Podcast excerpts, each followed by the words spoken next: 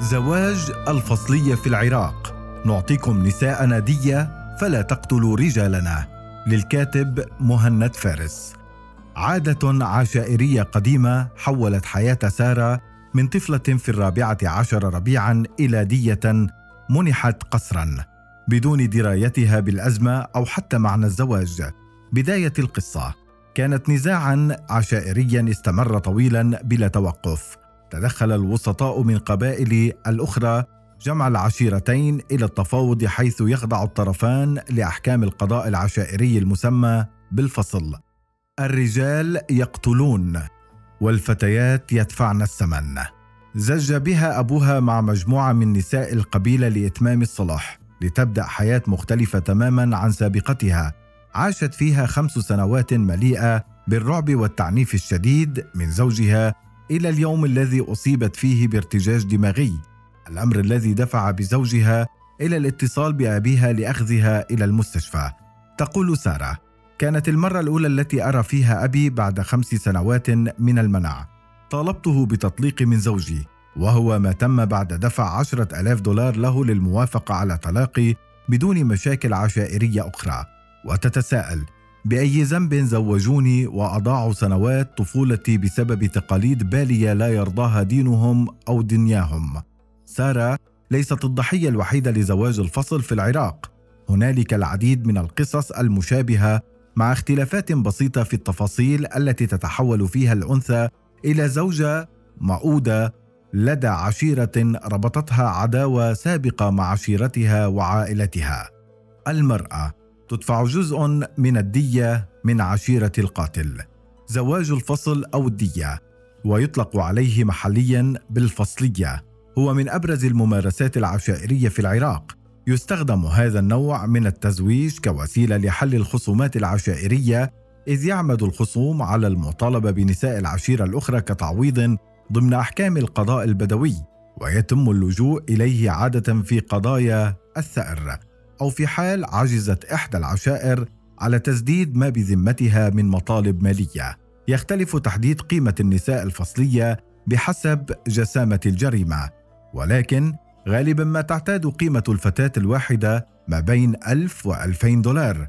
ويرتفع هذا المبلغ كلما صغر سنها وزاد جمالها بينما تعادل البكر اثنتين أو ثلاثا من مثيلاتها من المطلقات أو الأرامل. تنقسم نساء الفصيلة إلى مجموعتين يطلق على الأولى بالقدمة أما المجموعة الثانية فتسمى بالتالي أو المؤخرات ويمكن استبدال هذه المجموعة ببدل مالي أو مادي على عكس المجموعة الأولى التي يوجب منحها كتعويض أساسي غير قابل للاستبدال. ترجع أصول الفصلية إلى المجتمعات البدوية القديمة ورغم الخلاف في تحديد تاريخ وأصول هذه العادة يجتمع الباحثون على انتشارها سابقا يختلف عن مفهومها الحالي.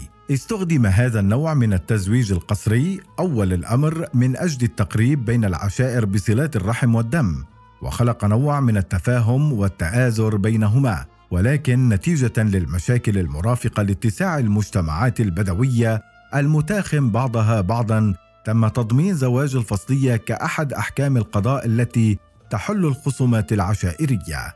سكوت الدولة مقابل رضا العشائر.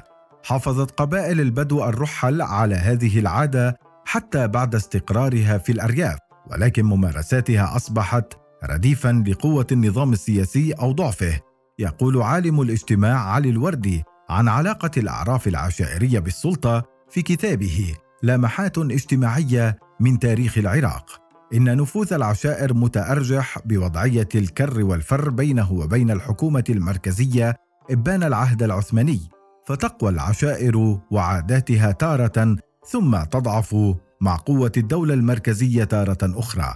استمر هذا الواقع حتى بعد تأسيس الدولة العراقية عام 1921 ولكنه كان مقتصرا على الأطراف والمناطق البعيدة عن سلطة الدولة وعادت ظاهره زواج الفصل لتنتشر داخل المدن الرئيسية في بغداد وجنوب العراق بعد عام 2003 ساعدها في ذلك ضعف سلطة الدولة الذي استغلته العشائر لتقوية نفوذها فيما لم يمانع السياسيون هذا الأمر وواظبوا على التقريب من العشائر للحصول على دعمها من خلال تسليحها وتوظيف أبنائها ضمن السلك العسكري والأمني.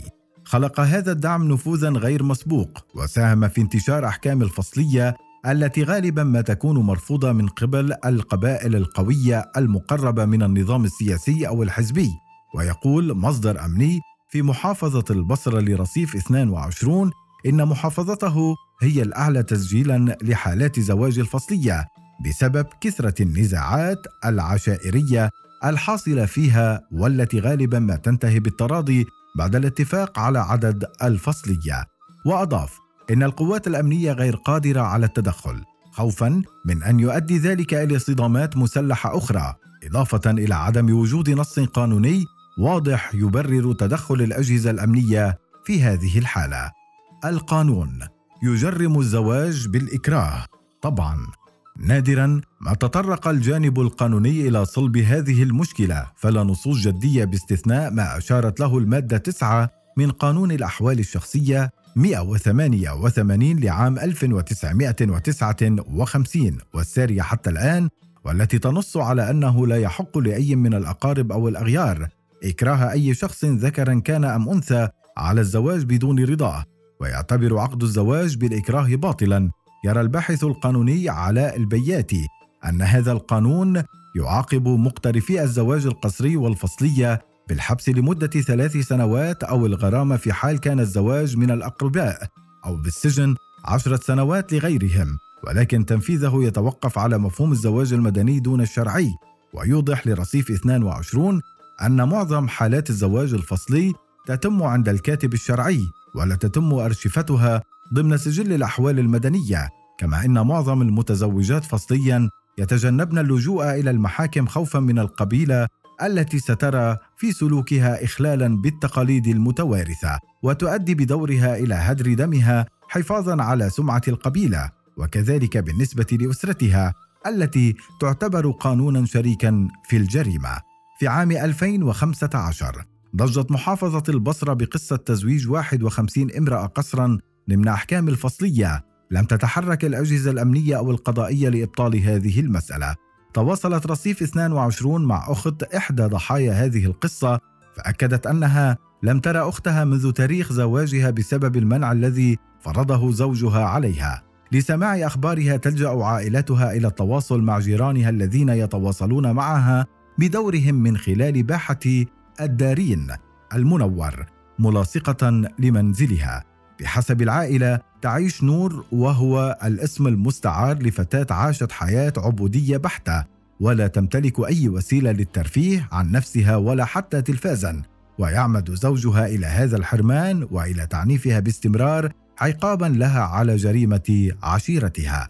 يعتبر المجتمع شريكا أيضا في انتشار هذه العادة نظرا لتعزيزه مكانة الممارسات العشائرية ضمن نطاق معيشته.